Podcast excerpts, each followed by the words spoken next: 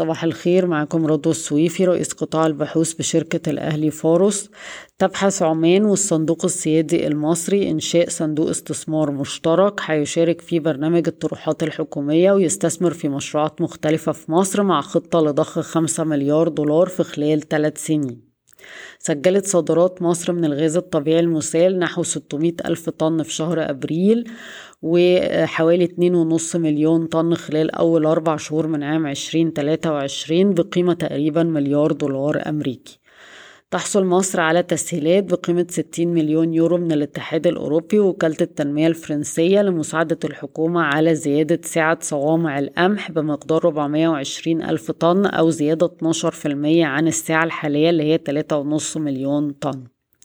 يهدف بنك الاستثمار الأوروبي لتقديم تمويل لمشروع الربط الكهربائي بين مصر والسعودية.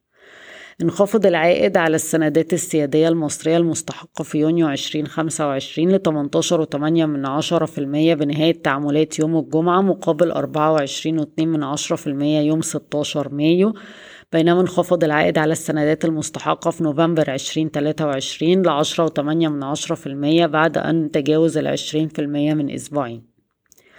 في وفد من منطقة الاقتصادية لقناة السويس بيزور الصين وهونج كونج في محاولة لزيادة الاهتمام بفرص الاستثمار في مصر. تلقت الهيئة العامة للاستثمار والمناطق الحرة طلبات من عشرين شركة عربية وأجنبية للحصول على الرخصة الذهبية ومن المتوقع البت فيها نهاية شهر يونيو.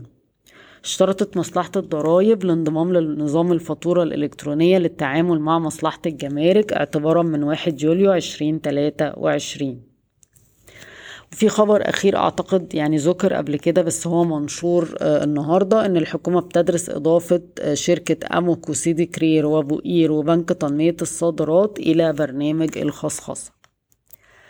بالنسبة لبنك تنمية الصادرات طلع نتائج قوية للربع الأول من 2023 564 مليون جنيه مصري بارتفاع 78% على أساس سنوي. مدعوم بقوة الهوامش رسوم وعمولات فيها كان نمو قوي ومكاسب من صفقات العملات الأجنبية انخفاض في المخصصات وانخفاض في معدل الضريبة الفعلي. رفعنا القيمة العادلة للبنك العشرين جنيه للسهم على خلفية الأداء القوي. بفكركم إن البنك رفع رأس المال بالفعل باتنين مليار ولسه هيرفع مليار كمان. والسهم بيتم تداوله عند مضاعف ربحية أربعة وتمانية من عشرة مرة لعام تلاتة وعشرين ومضاعف قيمة دفترية سبعة من عشرة مرة.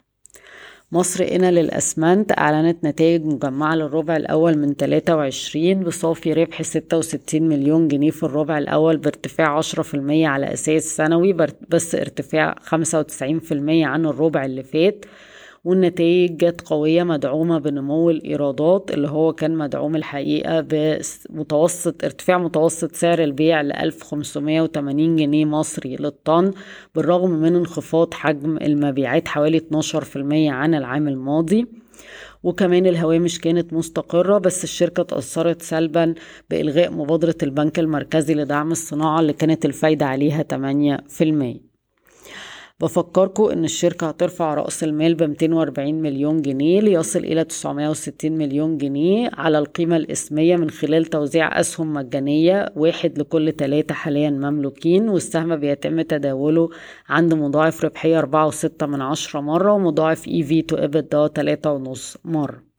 اسكندرية للأدوية أصدرت نتائج تسع شهور للعام المالي 22 23 بصافي ربح 108 مليون جنيه بارتفاع 34% على أساس سنوي وفي نتائج أعمال الربع الثالث فقط 35 مليون جنيه أرباح بارتفاع 53% على أساس سنوي والسهم بيتم تداوله عند مضاعف ربحية أربعة وسبعة من عشرة مرة لعام 23 ومضاعف EV to EBITDA حوالي 3 مرات.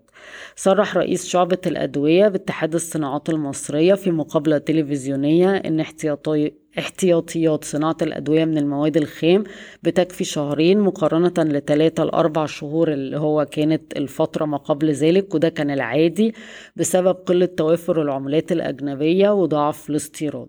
بشكركم ويوم سعيد.